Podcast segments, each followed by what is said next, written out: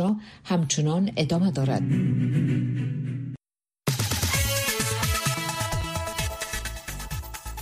دا واشنگتن دی تاسو د امریکا غږ آشنا رادیو السلام علیکم د امریکا غږ آشنا رادیو ترنو اوریدونکو په دې هیله چې روغ جوړ به زه نذرانه یوسف زیم تاسو د امریکا غږ آشنا رادیو نه زمونږه خبری خپرونه اورئ. قدرمنو اوریدونکو د خپرونی په سر کی پام وکړئ خبرونو ته. ویاند سید سلیمان شاه د شنبې په ورځ په خوست او کونړ کې د پاکستان د نظامي ځواکونو په بریدونو کې د وژل شوو کسانو شمېر اوه څولېښتو ته لوړ شوی دی. د فرانسې خبري اژانس اژنسي فرانس پرېس پرون د یکشنبې په ورځ د وري په اته ویشت مه، د خوست د ولایت د اطلاعاتو او فرهنګ د رئیس شبیر احمد عثماني په نقل قول خبر ورکړ چې د ډیورند د کرښې سره څېرمه پاکستان د هوایي ځواکونو د الوتکو په برید کې یو څولېښت کسان وژل شوي دي چې اکثریت یې ښځې او ماشومان وو. عثماني وايي چې دوه ویشت کسان په دغه حمله کې ټپیان شوي دي. په همدې ورځ د کونړ ولایت د شلتن ولسوالۍ د چوګام د کلي پر یوه کور باندې د پاکستان د پوځ د توپچي ځواکونو د مرمۍ د لګېدو په پېښه کې پنځه کسان ځای پر ځای وژل شوي او یوه ټپي شوی ماشوم بیا وروسته ساه ورکړه. پاکستاني چارواکو په خپل وار د طالبانو پر حکومت غږ کړی دی چې د ډیورند د کرښې په غاړه د امنیت د ټینګولو لپاره اقدام وکړي. د طالبانو حکومتي مشرانو د پاکستان د حکومت دا استدلال رد کړی دی چې ګوندې د افغانستان له خاورې نه د ټي ټي پي په شمول د پاکستان د حکومت مخالفې وسله والې ډلې په قبایلي علاقو کې حملې کوي او خبرداری ورکړی دی چې د دې ډول حملو تکرار به بد عواقب له ځانه سره ولري. د پاکستان د بهرنیو چارو وزارت پرون د یکشنبې په ورځ په یوه مطبوعاتي بیانیه کې چې د خوست او کونړ په ولایتونو کې د پاکستاني ځواکونو د حملو په تعقیب په اسلام اباد کې خپره کړې، ویلي دي چې ټرېرېستان په بې تفاوتۍ د افغانستان له خاورې نه په پاکستان کې دننه حملې کوي. پاکستاني چارواکي معمولاً د ټرېرېزم کلمه د تحريک طالبان پاکستان يا ټي ټي پي د هغو وسله والو جنګيالو لپاره استعمالوي چې د خيبر پښتونخوا د شمالي وزيرستان او جنوبي وزيرستان په شمول په قبايلي علاقو کې د پاکستان د پوځ او امنيتي ځواکونو په خلاف حملې کوي.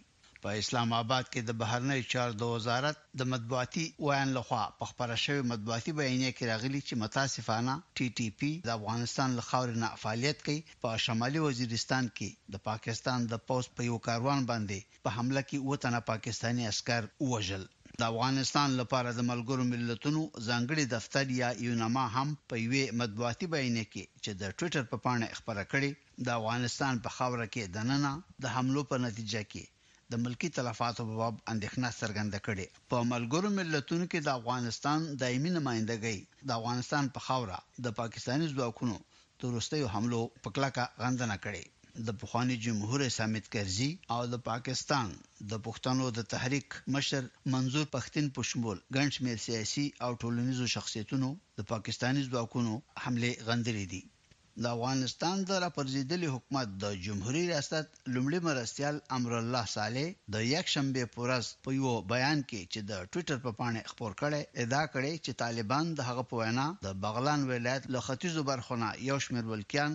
په زور او جبر له خپلو کورونو نه وباسي او شړي. خو د طالبانو حکومتي چارواکو لا د امرالله صالح د دغه الزام په ځواب کې څه نه دي ویلي. شمالي کوریا د شنبې په ورځ د وري په اوویشتمه یو نوی تاکتیکي توغندی وازمایه چې د اټومي سرګلولو د انتقالولو قدرت لري. د فوربز مجلې د رپوټ له مخې د شمالي کوریا مشر کیم جانګ اون د دې نوي توغندي د ازمویلو پریکړه د امریکا او جنوبي کوریا د پوځونو ترمنځ د ګډو تمریناتو له پیل کیدو نه یو ورځ مخکې وکړه. د شمالي کوریا دولتي مطبوعاتو ادعا وکړه چې نوی توغندی به د جنګ په میدان کې د دښمن په ضد د اټومي وسلو د استعمالولو توان او قابلیت زیات کړي. د یوکراین پوځ د شنبې په ورځ ویل چې یو بل لوړپوړی روسی جنرال هم په جنګ کې وژل شوی دی. نورو نړیوالو خبري رسنیو هم د روسیې د دولتي مطبوعاتو په نقل قول خبر ورکړ، تورن جنرال ولادیمیر فرولوف چې د روسیې د پوځ د اتمې اردو، د عمومي قوماندانۍ مرستیالو د شنبې په ورځې مړی خاورې ته وسپارل شو، خو روسي مطبوعاتو دا نه دي ویلي چې نوموړی کله ووژل شو. تورن جنرال فرولوف د روسیې د پوځ اتم لوړپوړی قوماندان دی چې د یوکراین په جنګ کې وژل کېږي. په داسې حال کې چې د روسیې پوځ د شنبې په ماښام ناوخته له یوکرایني ځواکونو نه د ماریوپول د محاصره شوي بندري ښار د تصفیه کولو ادعا کړې وه. د یوکراین پوځ د یکشنبې په ورځ ویل چې جګړه اوس هم روانه ده او عسکر یې روسانو ته نه دي تسلیم شوي. د روسیې پوځ د دغه پرنفوسه ښار مدافعینو ته د مسکو په محلي وخت د ماښام تر شپږ وجو پورې وخت ورکړی و. د رویټرز خبري اژانس وايي چې د یوکراین عسکر د ازوف د بحیرې سره نژدې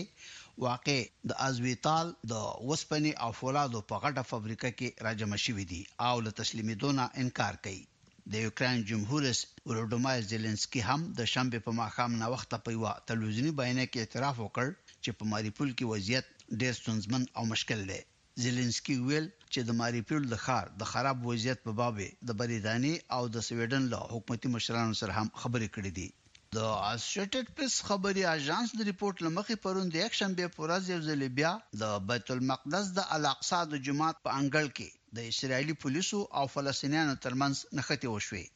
اسراییلي پولیسو کوشش کاوه چې د هغو یهودي سیلانیانو لپاره لاره خلاصه کړي چې غوښتل یې د الاقصی د جومات انګړ ته ورننوځي. اوولس فلسطینیان په پرونیو نښتو کې ټپیان شوي دي.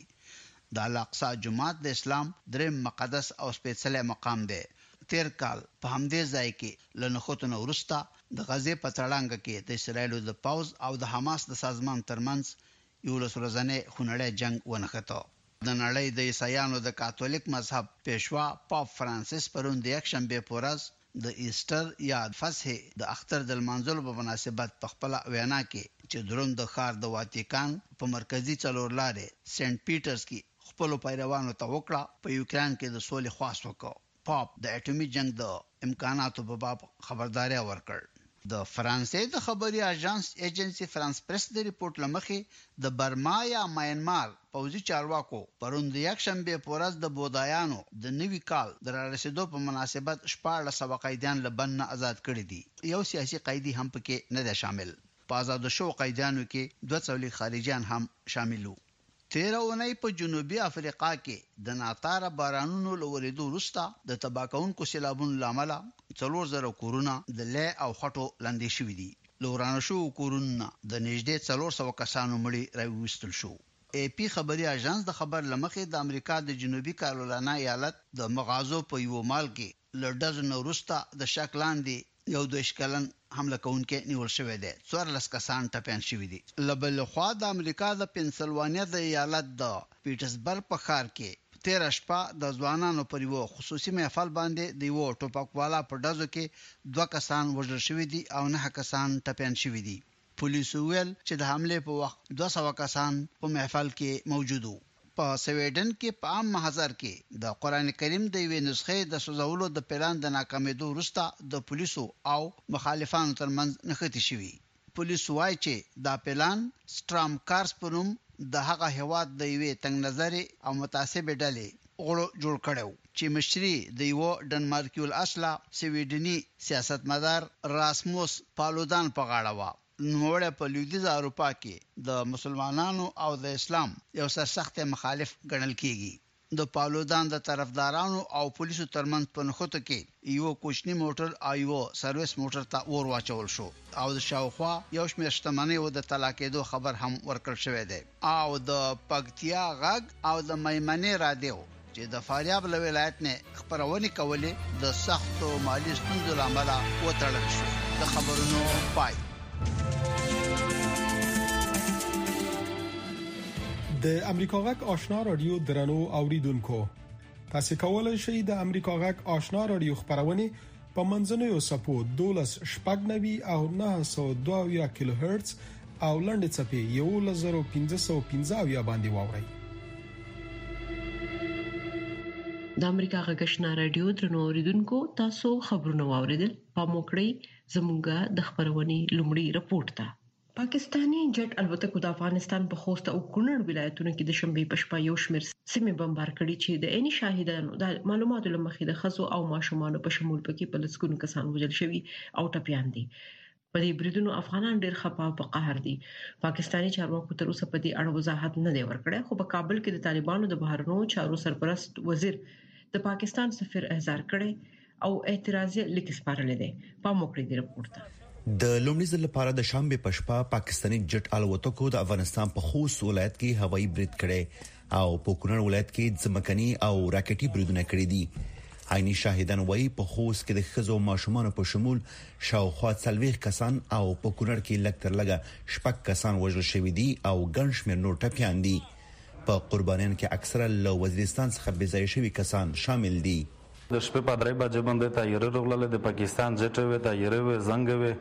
د شپې درې بجې وې طیارې جټې بمبرینه شیري کړل کیرینه یې وویشتل وړه بال بچ یې وویشتل ښځینه اویړکي جینکۍ غونډ څلوېښت کسون څو شهیدون شوي وي پنځلس کسون شل کسون زخمیون دي دا اوښه ستر وړي دي میشتنه رئیس معلومات پته نه لګیږي. د پاکستان د هوایی او ځمکنیو بریدونو په خبرګون کې د خوست اوسیدونکو مظاهره کړې او دا برید په کلکه غندلې دی د پاکستان جبر ریاست لخوا په یو هیواد کې د غیر منصفانه او وحشیانه بریدونو په مقابل کې ولس تیار دی چې په خپل تصمیم ونیسي د پاکستان دا وحشیانه بریدونه د دې ښکارندوی کوي چې دوی د پښتنو نسل وژونکي دي دغه سلام دغه وحشت دغه تیری دغه برید خاموش ما پرېږدی دغه ته باید ځواب ورکو د مخکني جمهور رئیس لومړي مرستیال امرالله صالح په ټویټر لیکلي پاکستاني جټ الوتکو دننه په افغانستان کې د پاکستاني طالبان تحریک په نوم کورونه په نخښه کړي دا لومړی ځل چې د پاکستان هوایي ځواک دننه په افغانستان کې برید کوي په کابل کې ګوډاګي حاکم دي غبرګون خودلای نشي د مخکني دولت د بهرنیو چارو وزیر حنیف اتمر د پاکستان هوایي بریدونه غندلي وایي دا بریدونه هیڅ د توجیه وړ نه دي په کابل کې د طالبانو د بهرنیو چارو سرپرست وزیر امیر خان متقي په خپل په افغانستان کې د پاکستان سفیر منصور احمد خان احضار کړي او ورته اعتراضیه لیک ورکړي همدا شان ویل کیږي چې پاکستان هم په اسلام آباد کې د طالبانو شارزافیر احضار کړی دی متقي صاحب وویل، د خوست او کونړ په شمول د ټولو نظامي تخطیو مخنیوی دې وشي او دغه ډول پېښې د دواړو همسایه هېوادونو ترمنځ اړیکې ترینګلې کوي چې له همدې ترینګلي حالت څخه به د دواړو هېوادونو بدخواهان او مغرضې کړۍ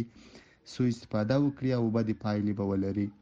خو عامو خلکو او د چارو څېړونکو په دې ډول د پاکستان د سفیر په احضارولو نیوکه کړې. نو دغه ناسته په هیڅ شکل باندې احضار ته ورته نه ښکاري، نه دغه انځور نه چې کوم دی په کوم شکل دی سره لیدنه کړې ده دغه احضار ته ورته ده، نه هغه اعلامیه چې دی خپره کړې ده هغه احضار ته ورته ده. اوس چې موږ ګورو اول خو په خپله وزیرو سره کتلي دي د سفیر سره چې دا خپله په یو شکل باندې هغه ته د قدرداني کول دي او بل خوا کومه ژبه چې په اعلامیه کې کارول شوې ده هغه هم ډیره نرمه او ډیره پسه ده او هغه کې عمومي داسې د خو روابطو او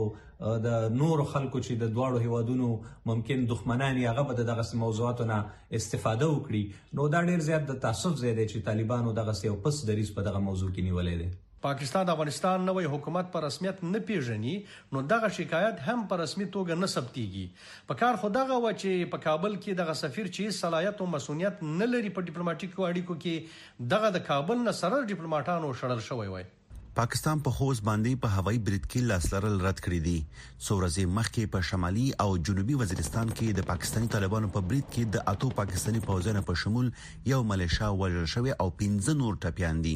ګومان کېږي پاکستان هڅه کړې د پاکستاني طالبانو په پلمه دننه افغانستان کې عملیات وکړي وحید فیضي امریکا غږ واشنگټن د امریکا جغ آشنا رادیو ډیرو درنو ریدونکو سر لنن څخه د امریکا جغ آشنا رادیو خبرونه په نو څپو خبريږي په منځني صفه 1290.0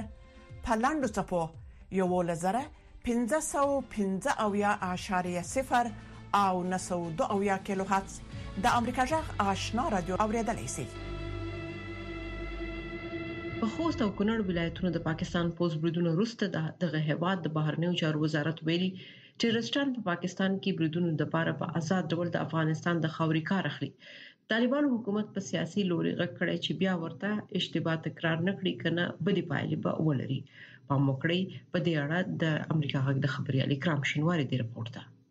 پاکستان د بهرنیو چارو وزارت د ډیورند د کرښې په اوږدو کې په دوه ولایتونو خوست او کونړ باندې د هوایي برید او د توغندیو د بریدونو وروسته په یوه اعلامیه کې پرته له دې چې د افغانستان په خاوره بریدونه تایید او یا رد کړي ویلي چې تروریستان په پاکستان کې د بریدونو لپاره په ازاد ډول د افغانستان له خاورې کار اخلي. په دغه اعلامیه کې ویل شوي چې پاکستان د افغانستان سره د تیرو څو میاشتو راهیسې په موثر ډول د ګډ سرحد په اوږدو کې د همغږۍ او امنیت د خوندیتوب لپاره په اړیکو کې خو د بده مرغه د تحریک طالبان پاکستان په ګډون د بندو شوو تروریستي ډلو عناصرو په سرحدي حوزه کې د پاکستاني سرحدي ځواکونو پوستو باندې بریدونو ته دوام ورکړ چې لامل د پاکستان څو امنیتي منسوبین وژل شوي دي په دې اعلامیه کې ویل شوي چې پاکستان د افغانستان د خاورې تمامیت او خپلواکۍ ته درناوی لري په اعلامیه کې طالبانو له اسلامي امارت څخه د هغو کسانو په خلاف د اقدام غوښتنه شوې چې د اعلامیې له مخې په پاکستان کې دننه په تروریستي فعالیتونو کې لاس لري د طالبانو اسلامي امارت د بهرنی چارو وزارت سربېره د اسلامي امارت ویاند او د اطلاعات او کلتور وزارت معین ذبی الله مجاهد هم پر خوست او کونړ ولایتونو باندې د پاکستان د پوز بریدونه په سخت ټکو غندلي پاکستان ته یې مشوره ورکړې چې ورته اشتباه تکرار نه کړي که نه بدې پایلې به ولري.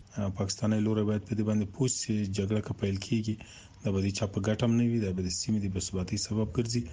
او افغانانو بیا د خپل هېواد د ساتنې په برخه کې امتحان ورکړی ده. دغه نږدې اته میاشتې وړاندې د امریکایانو ماتې د یو لوی درس او عبرت د ټولو هغه متجاوزونو لپاره ده چې څوک غواړي د افغانستان خاورې او حریت او ازادي ته په سپکه وګوري افغانان باید مجبور نشي چې یو اقدام وکړي موږ اوس اوس کوشش کوو چې دا موضوع د سیاسي او ډیپلوماټیکو لارو نه حل شي او د بیا تکرار مخنیوي وشي او غواړو چې پاکستاني لوري هم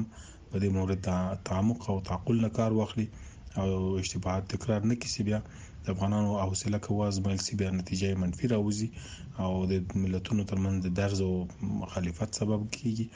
او بیا به افغانان مجبوري چې خپل خاورې د دفاع لپاره په متقابل اقدام لاس پوري افغانستان لپاره د ملګرو ملتونو مرستندوی پلاوی دفتر یوناما هم په اعلامیه کې په خوست او کونړ ولایتونو کې د هوایي بریدونو په پایله کې د ملکي وګړو د مرګ ژوبلې په اړه ژوره اندېښنه څرګنده کړې. افغانستان پخوانی جمهور رئیس حامد کرزي هم دا بریدونه په کلکه غندلي دي. د چارو یو شمېر افغان کارپوهان د دغو بریدونو په اړه وایي چې پاکستان پوځ په افغانستان کې اوسنی وضعیت د دغسې بریدونو لپاره د یو ښه فرصت په توګه کارولی دی. د سیاسي چارو یو کارپوه رامش سالمي وایي چې پاکستان ساند د طالبانو د اسلامي امارت څخه په ډېرو برخو کې د مرستې تمه لري. حملات ارتش پاکستان به خاک افغان. ښاغلي سالمي وویل، د افغانستان په خاوره د پاکستان د پوځ بریدونه په داسې حال کې ترسره کېږي چې په پاکستان کې نوی حکومت واک ته رسېدلی دی. د بله پلوه طالبان هم په دې موقعیت کې نه دي چې دغو بریدونو ته ځواب وویلی شي. د پاکستان له نظره دا یو ډېر ښه فرصت و چې تر اوسه دغه هېواد په اختیار کې و. ښاغلی سلیمي دا بریدونه پر یو خپلواک هېواد څرګند تېری ګڼي. د نړیوالو اړیکو یو کارپوه سرور جعفري وایي چې پاکستان پوځ پخوا هم د افغانستان په سرحدي ولایتونو د توغندیو بریدونه کړي، خو د جعفري په وینا افغانستان لوري هېڅکله دغه بریدونو ته سخت ځواب نه دی ویلی. نه این عملکرد مستند سازی شده و نه هم به. ښاغلي جعفري ویل، نه دا کړنې مستندې شوي او نه هم نړیوالو ادارو ته سپارل شوي، مثلاً موږ په تېر وخت کې د دې شاهد نه وو چې دا مسایل نړیوالو ادارو ته وړاندې شوي وي، د ملګرو ملتونو امنیت شورا او نورو نړیوالو ادارو ته، په دې وروستیو کې ګورو چې هم بمباري شوې او هم زموږ هېوادوال په وینو کې لړل شوي. د نړیوالو اړیکو دغه کارپوه په افغانستان کې د اوسني نظام څخه د ټولو ملاتړ نشتوالی او د ډیورند کرښې په اړه د پاکستان امنیتي اندېښنې هم دغسې بریدونو ته د پاکستان د پوځ د هڅونې د عواملو په توګه یادوي.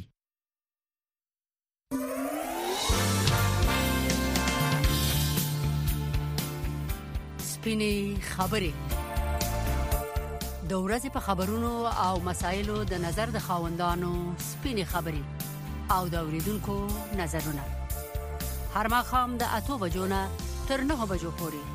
د امریکا غا غاښنا رادیو یو ساعته پښتو او دری خبرونه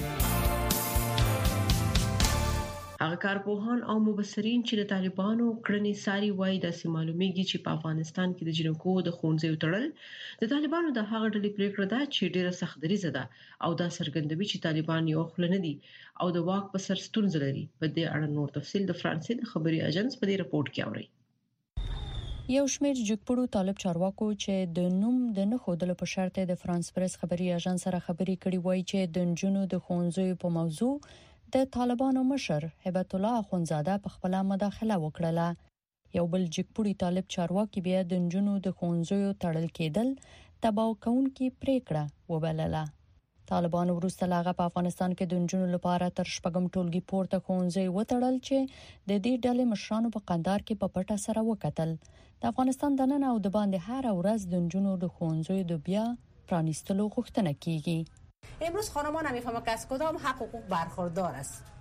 و همین قسم خانواده هم همچنان نمیفهمه که از کدام حق حقوق فرزندایشان خانمایشان همسرایشان دخترایشان برخوردار است اگر اونا حق خو زنار بفهمه هیچ گاه نمیگه که تو از خانه بیرون نرو هیچ گاه نمیگه که تو مکتب نرو هیچ گاه برش نمیگه که تو دانشگاه نرو هیچ گاه برش نمیگه که تو چی نرو سر کار نرو. سره له دې چې طالبان د نجونو د ښوونځیو د تړل کېدو د پرېکړې لپاره یوازې همدا دلیل راوړي چې باید دا ښوونځي د اسلام په اصولو برابر وي، خو د دې ډلې یو جګپوړي غړي فرانس پرس خبري اژانس ته وویل چې د دې ډلې مشر او یو شمېر نور غړي په دې موضوع کې بیخي ډېر سختګیر دي او په پریکړه کولو کې هغوی برلاسي وو قسم که پیغمبر بزرگ اسلام باز هم میگه میگه از گواره تا به گور دانش بجو اگر ما ببینیم اولین وحی که به پیغمبر بزرگ اسلام آمد چی بود اقرا بود یعنی بخوان پس چگونه میتونن حکومت امارت اسلامی امروز ادعای زیر داشته باشن مطابق به شریعت اسلامی اما چگونه میتونه حق اساسی و حق انسانی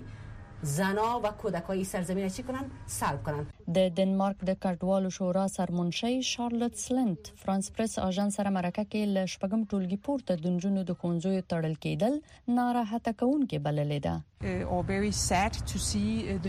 موږ د نجونو د متوسطه ښوونځیو د تړل کېدو په اړه ناراحت یو زه فکر کوم د دې لپاره چې افغانستان پرمختګ وکړي د دې هیواد ټولو منابعو ته ټول افغانان اړتیا لري بل مهمه خبره دا ده چې موږ خو ته اړتیا لرو چې وشي کولای اقتصاد سره مرسته وکړي په لندن کې میشته یوه څیړونکي اشلی جکسن وایي چې یو شمیر ملایان د حکومت په پریکړو کې بهر پاتې دي او د نجونو د خونځو سره مخالفت کول ورته یوځنۍ لار ده چې په حکومت کې خپل نفوذ څرګند کړي خو په ورته وخت کې د دنمارک د کډوالو د شورا مشره وایي چې جنګ ځپلي هیوادونه باید هیر نه شي. موږ د یوې بشري مرستندوی ادارې په توګه چې د نړۍ په ډیرو نا امنو ځایونو کې چې د بشري کړکیچ سره مخ دي کار کوو باید نړیوالې ټولنې ته یادونه وکړو هغه هیوادونه باید له یاده ونه ویستل شي چې مخکې جګړې ځپلي دي. جګپوړي طالب چارواکي وايي د دې ډلې سخت دریځ مشران کوښښ کوي د نجونو د ښوونځیو د تړل کیدو په څیر پریکړو سره مخالفت کې خپل هغه جنگیالي خوشاله وساتي چې د لری پرتو سیمو خلک دي او ډیر محافظه کاران دي د طالبانو دا غړی همدارنګ وایي چې هبت الله خونزاده د عصري علومو خلاف دی او دا کار د حامد کرزي او اشرف غني د حکومتونو سره د امریکا غک آشنا رادیو درنو اوریدونکو تاسو کولای شئ د امریکا غږ آشنا رادیو خبرونه په منځنوي سپو 12 شپږنوي او 902 کیلو هرتز او لنډې چپې 11515 باندې واوري د یوکرين پلازمینه کیف او لوی خارونو کې د چاودنو غږونه اوریدل شوې دي نور تفصیل په دې رپوټ کې. د اوکراین د پارلمان غړي سویاتوسلاو یوریش ویلي دي چې په کیف هم راکټي بریدونه او توغندي وار شوي دي، که څه هم روسي ځواکونه د کیف د شاوخوا سیمونه وتلي دي. نوموړي د شنبې په ورځ د برتانوي ټلویزیون سکای نیوز سره په خبرو کې وویل چې روسي ځواکونه د لرې واټن نه د بریدونو لپاره د توغندیو کار اخلي. په کیف باندې د روسیې د کروز توغندیو بریدونه دوام لري.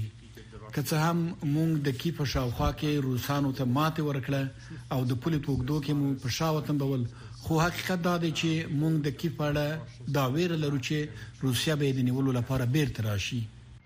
د روسیې د دفاع وزارت نن وویل چې د روسیې پوځیانو په کیف او مایکولایف ښارونو کې پوځي اهداف ویجاړ کړي دي. په کیف کې د ټانکونو د تولید یوه فابریکه او په مایکولایف کې د درنو وسلو د ساتنې تاسیسات مو د توغندیو په برید کې په نښه کړي دي. د شپې په وخت د دقیق توغندیو له خوا د دښمن شپاړس هدفونه په نښه شوي.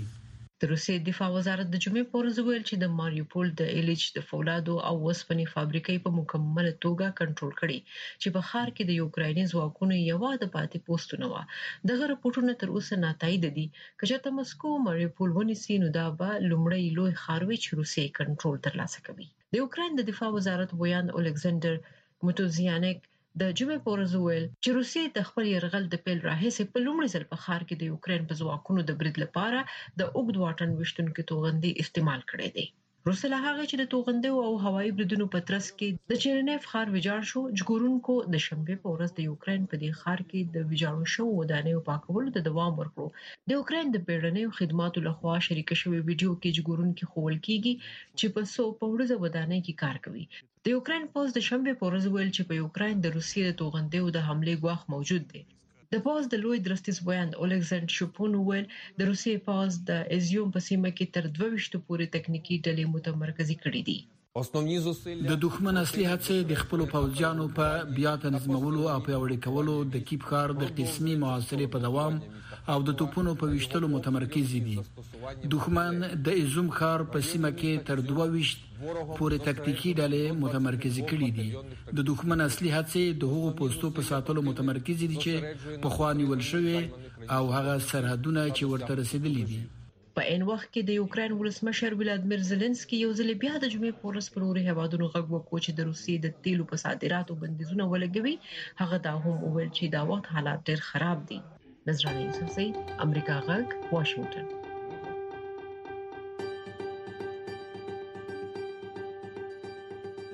کورونا یو ساري ناروغي ده او مخنیوي لپاره لازمه ده چې ټول احتیاطي تدابیر ونیسو هم ځانو ساتو او هم نور وخت په وخت لاسونه ومینځو د ټوخي او پرنجي پر وخت د سمال او یا تنګل خولې ته ونیسو له کوره به ضرورت بهر ونه وځو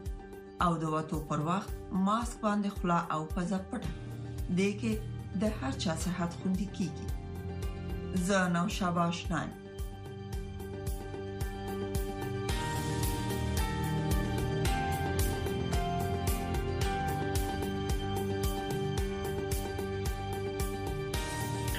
د امریکا حکومت په پام کې لري چې د شلو صنعتي هوادونو پر راتلونکو غونډه کې په یوکرين د روسي يرغل او په نړیوال اقتصاد د يرغل په اغیزو خبري وکړي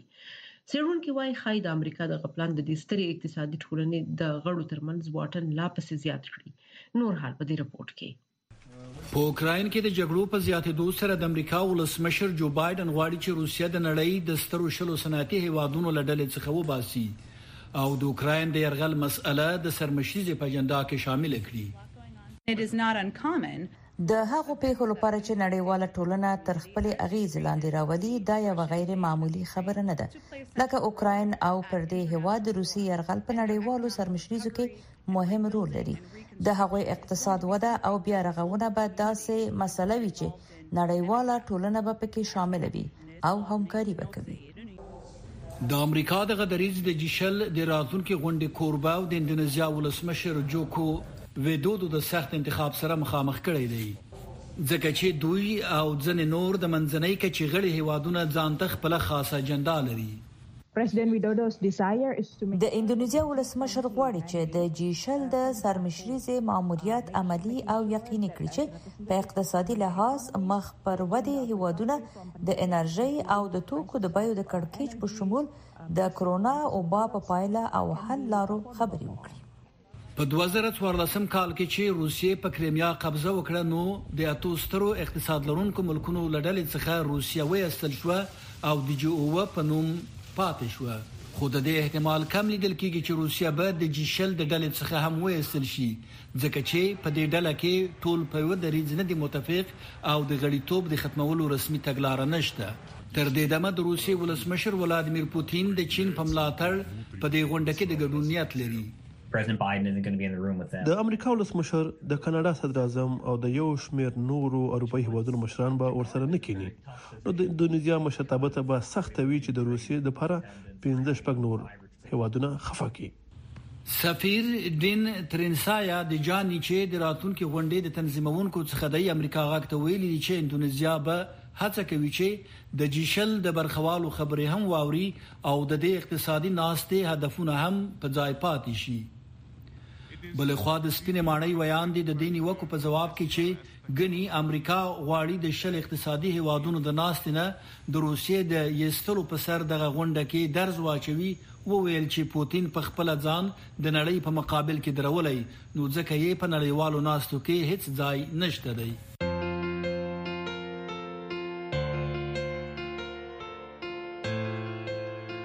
قدرمنو اوریدونکو تاسو د امریکا غږ آشنا رادیو نه